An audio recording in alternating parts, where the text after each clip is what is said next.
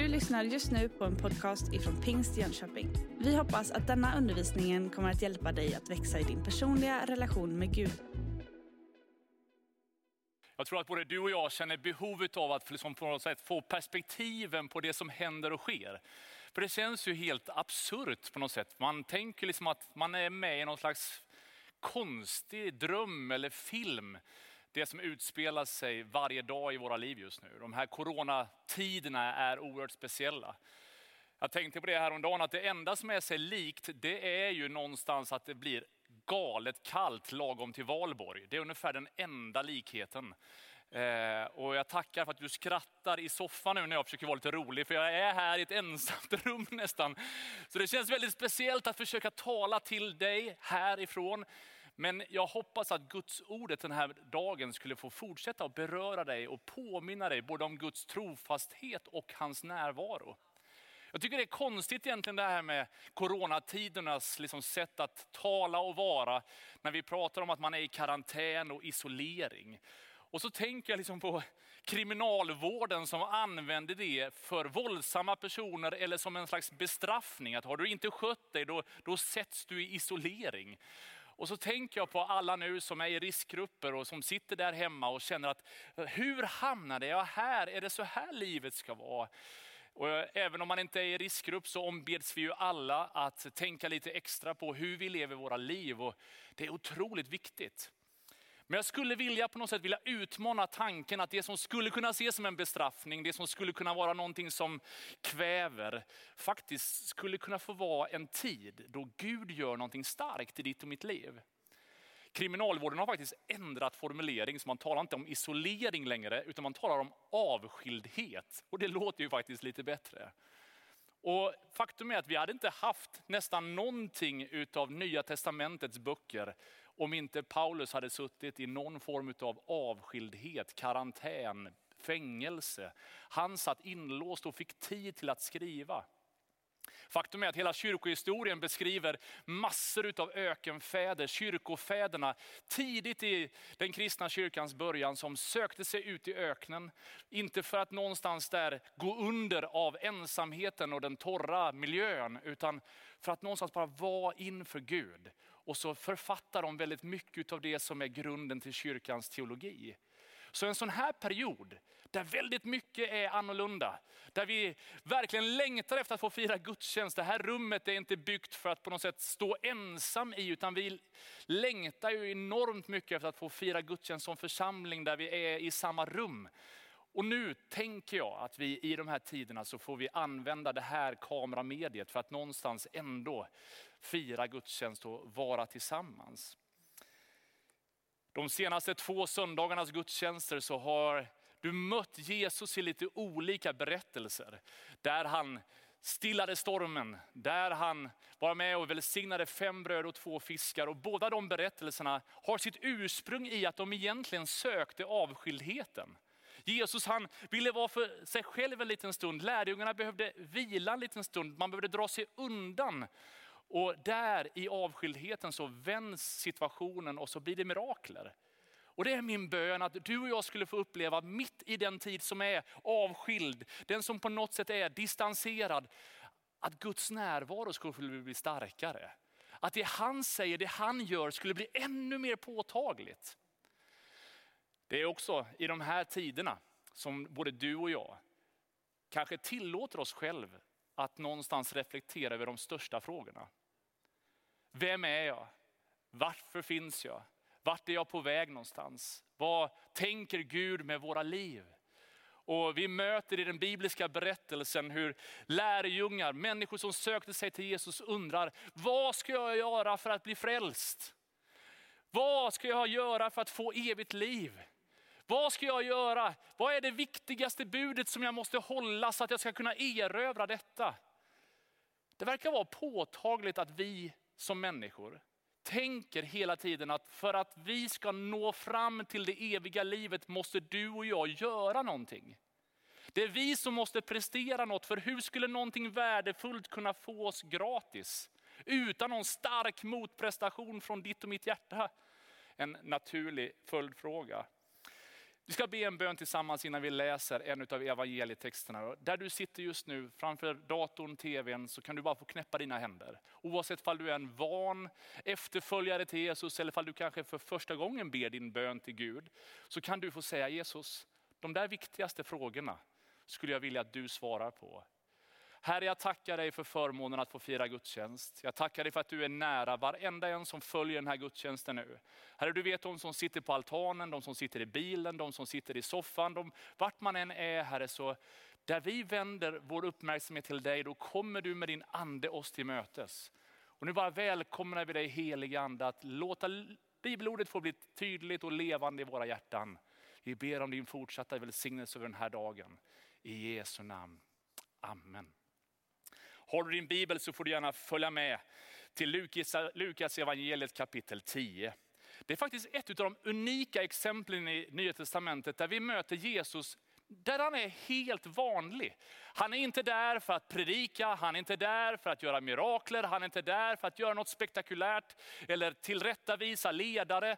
Utan han är sådär bara skönt, liksom axlarna ner, hemma i ett vardagsrum hos några goda vänner. Och jag skulle vilja att du ser sinnesbilden av den där platsen medan vi läser texten. Medan de var på väg kom Jesus in i en by och en kvinna som hette Marta tog emot honom i sitt hem. Hon hade en syster Maria som satte sig vid Herrens fötter och lyssnade till hans ord. Men Marta däremot var upptagen med alla förberedelser och hon kom fram och sa, Herre bryr du dig inte om att min syster har lämnat mig att sköta allting själv?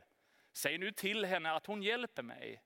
Herren svarade henne, Marta, Marta, du bekymrar dig och oroar dig för så mycket. Men bara ett är nödvändigt. Maria har valt den goda delen och den ska inte tas ifrån henne.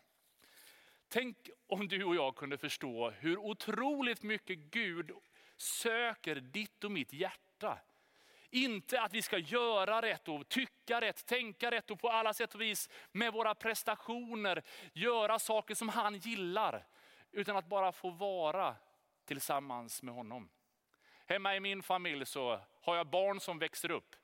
Och ibland säger jag till dem att, eh, vem ska ni leka med idag? Och så tittar de med arga ögon och säger bara, vi leker inte, vi är.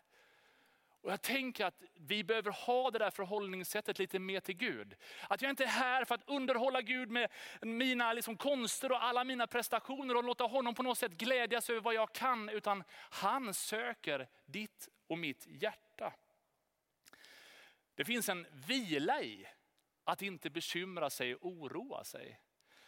Forskare menar att när du och jag är riktigt oroliga så är ju det i grunden ett försvarsbeteende som hjälper oss i nödsituationer. Men om oron förblir, om ångesten tar överhanden och rädslan och fruktan griper oss över tid, så är det rent skadligt för både hjärna och kropp. Och därför så finns det en himlens hälsning den här dagen till alla oss som känner igen oss i Martas liv. Att vi bekymrar oss och oroar oss för så mycket. Jesus han ger perspektiven på ett förhållningssätt som överträffar det där tycker det är intressant faktiskt att Marta, tre gånger så refererar hon till sig själv. Hon talar om, se mig Jesus här. Och även om hon adresserar Jesus som Herren så är det likväl liksom ett fokus på mig och mitt och Gud, hjälp mig i min situation. Gud gör någonting åt mitt. Medan Maria har ett annat perspektiv. Och Marta hon tenderar ju att liksom inte bara vara självcentrerad och titta på sitt eget, utan hon börjar också ha åsikter om syrran som inte hjälper till. Det är så lätt i alla våra uppgifter att fokuset blir att bedöma andras uppgifter istället för att någonstans likt Maria bli kvar. Marta var orolig för många saker, men Maria valde den goda delen. Att sitta vid Jesu fötter, det är ju någonting som vi kanske inte vanligtvis använder. Att, no, att sitta vid någons fötter, det känns inte riktigt i vår kultur och tradition.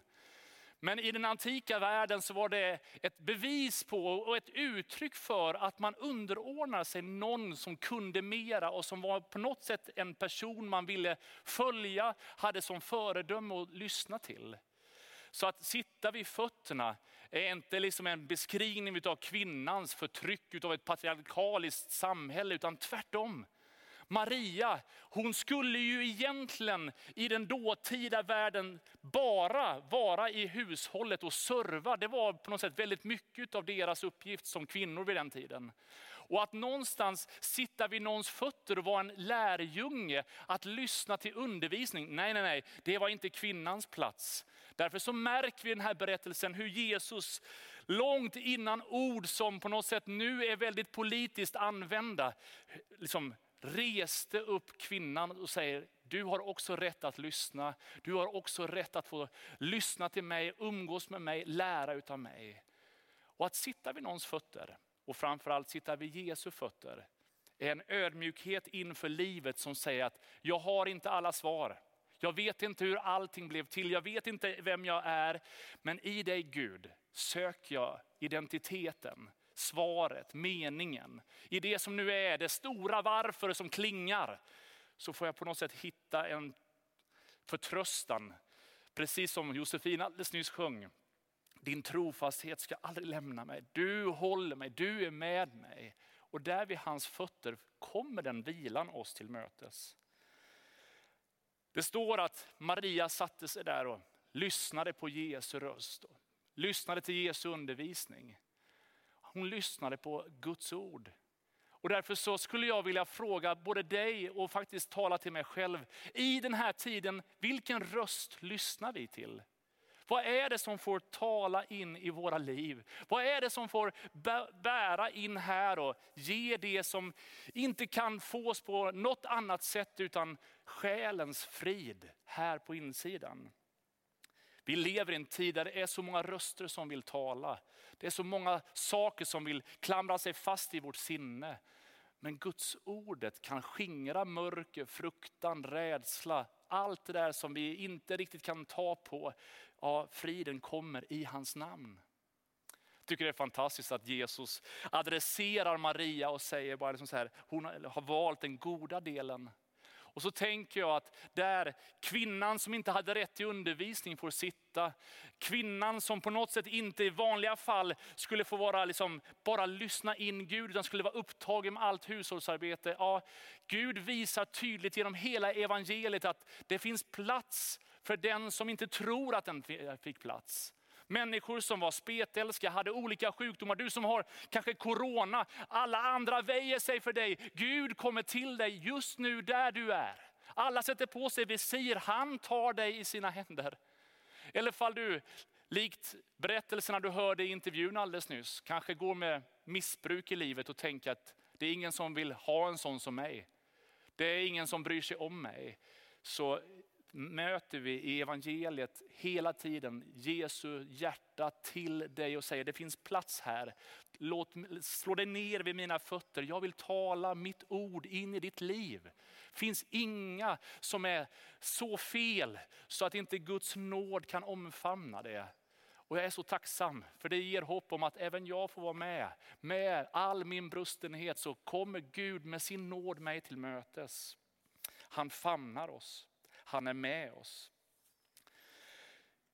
Samtidigt så vill jag ändå försvara Marta lite grann. För att det är lätt hänt att vi ibland tar den här texten och tänker att allt det vi gör spelar ingen roll.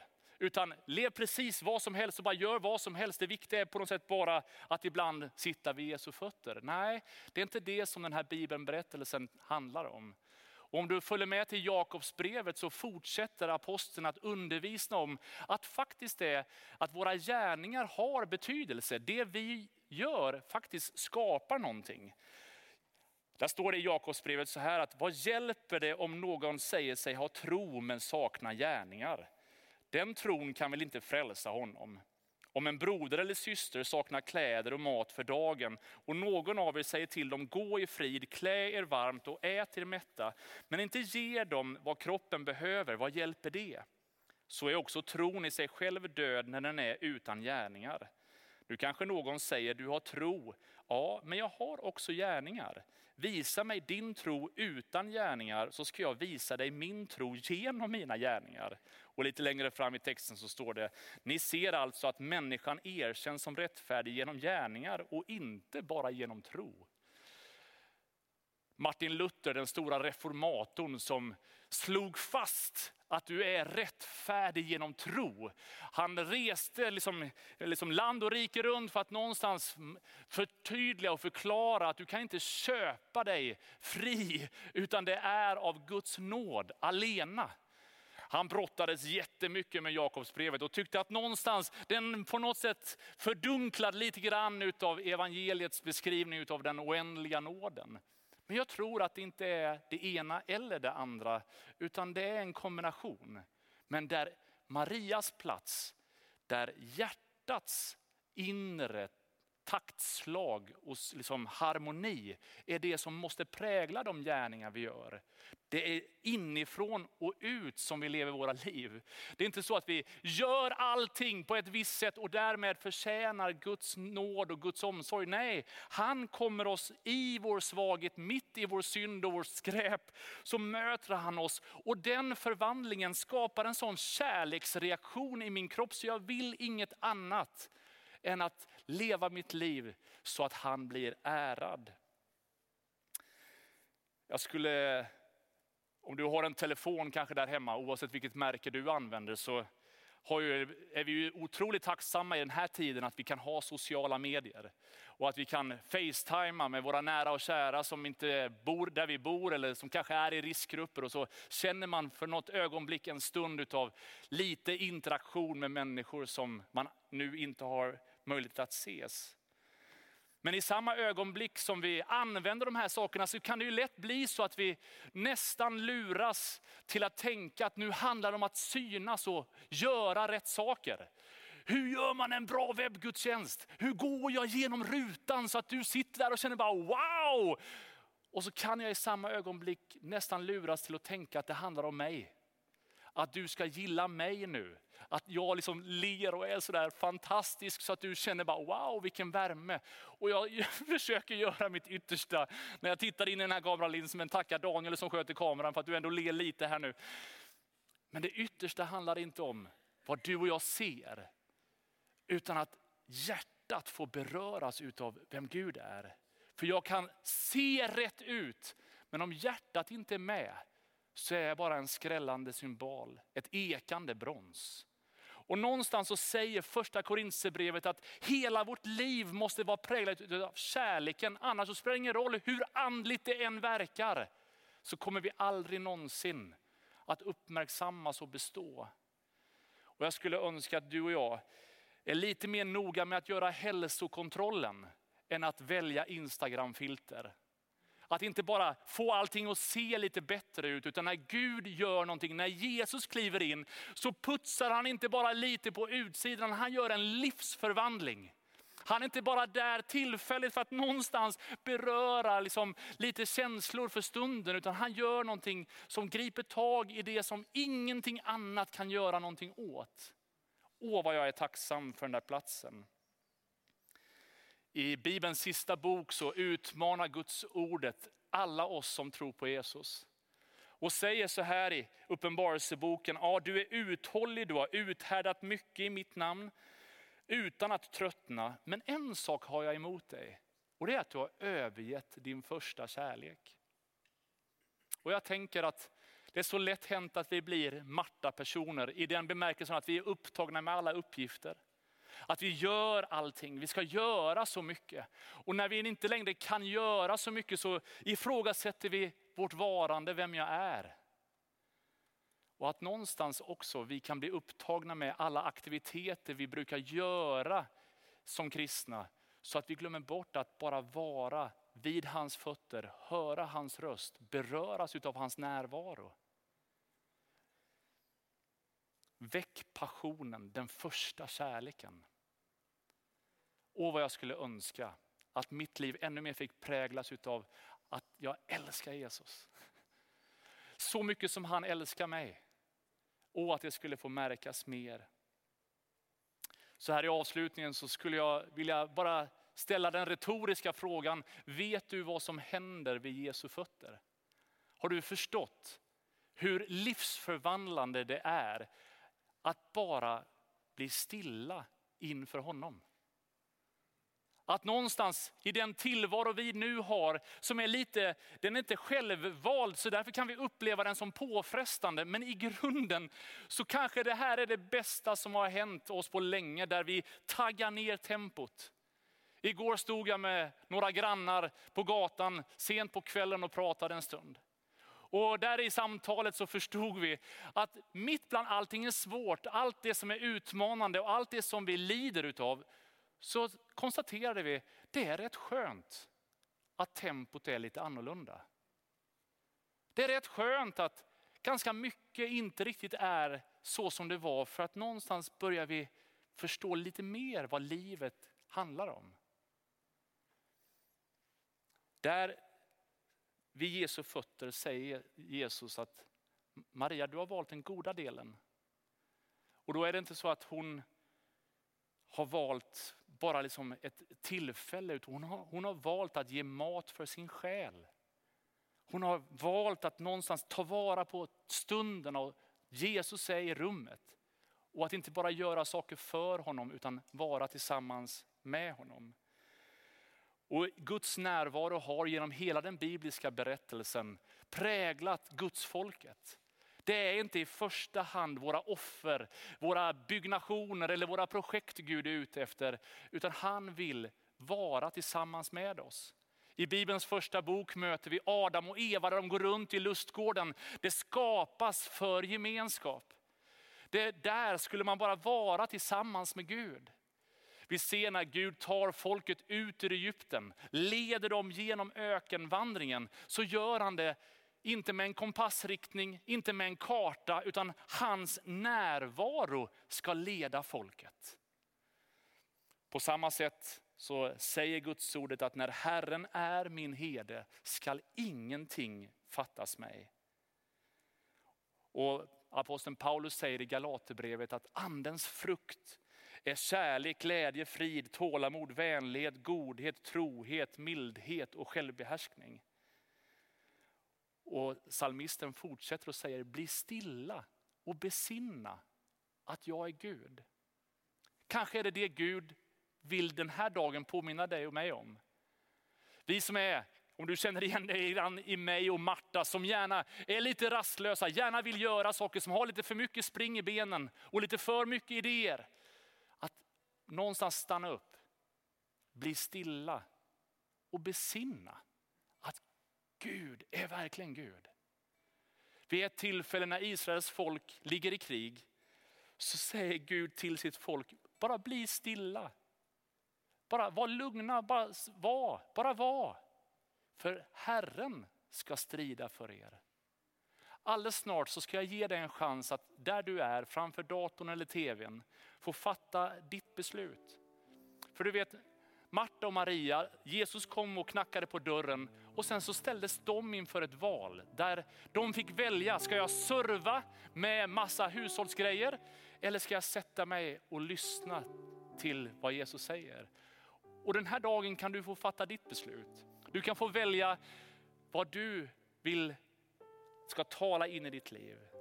Och med all respekt för Martas liksom sätt att försöka vara Jesus till lags, så utmanar den här berättelsen oss till att bli mer likt Maria, dröja kvar vid hans fötter. Alldeles snart kan du räcka upp din hand. Det finns en liten ikon i chatten där som du kan liksom bara säga alldeles strax, bara, ja, jag vill ta emot Jesus i mitt liv. Jag behöver än en gång bara liksom sätta mig där vid hans fötter. Kanske är det första gången i ditt liv som du fattar ett beslut om att Jesus, jag vill lära känna dig. Eller så kanske du har haft det beslutet tidigare i ditt liv, men det har kommit så många uppgifter och så mycket annat så att den där relationen är inte så mycket kvar. Och du känner den här söndagen bara, Gud jag behöver hitta tillbaka till den där platsen där du och jag hänger ihop. Ja, det finns också förebedjare online som gärna står tillsammans med dig och ber lite mer personligt med dig alldeles strax. För faktum är att det här är precis det som är själva essensen av evangeliet när Jesus håller på närmar sig korsfästelsen. Så står det att när han rider in i Jerusalem så möter han folkets hyllningar till en början. Men det står att han kliver av sin åsna, böjer sina knän och börjar gråta över staden och säger, tänk om du idag förstod vad som ger dig verklig frid. Och det har varit en sån bön i mitt liv, i mitt hjärta inför den här söndagen. Att du och jag skulle förstå vad som ger oss verklig frid. Att det inte är våra prestationer, allt vi ska göra, alla våra aktiviteter. Nu när vi står i den här omställningen som kyrka så försöker vi påminna varandra om att det viktiga är inte att bevara aktiviteten utan relationen till Gud och till varann. Och idag så, i det här ögonblicket, så får jag fråga dig ifall du vill välja plats.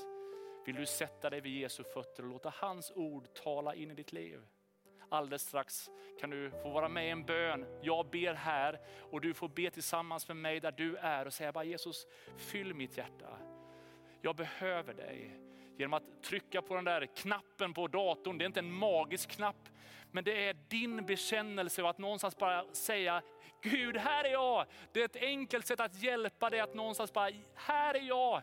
Jag behöver den där relationen, jag längtar efter den där. Så du kan bara klicka på den och säga, bara, Jesus jag behöver dig.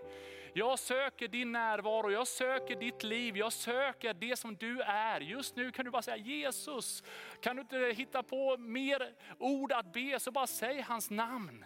Bara säg Jesus, jag behöver dig. Jesus, jag längtar efter dig. Det är fantastiskt att få välja att leva sitt liv tillsammans med Kristus. Och låt oss nu bara be tillsammans. Och jag är helt övertygad om att även om det finns en geografisk, eh, ett geografiskt avstånd där du är och där jag är, så är anden närvarande i detta nu. Och han inbjuder oss till gemenskap. Så lägg allt annat åt sidan.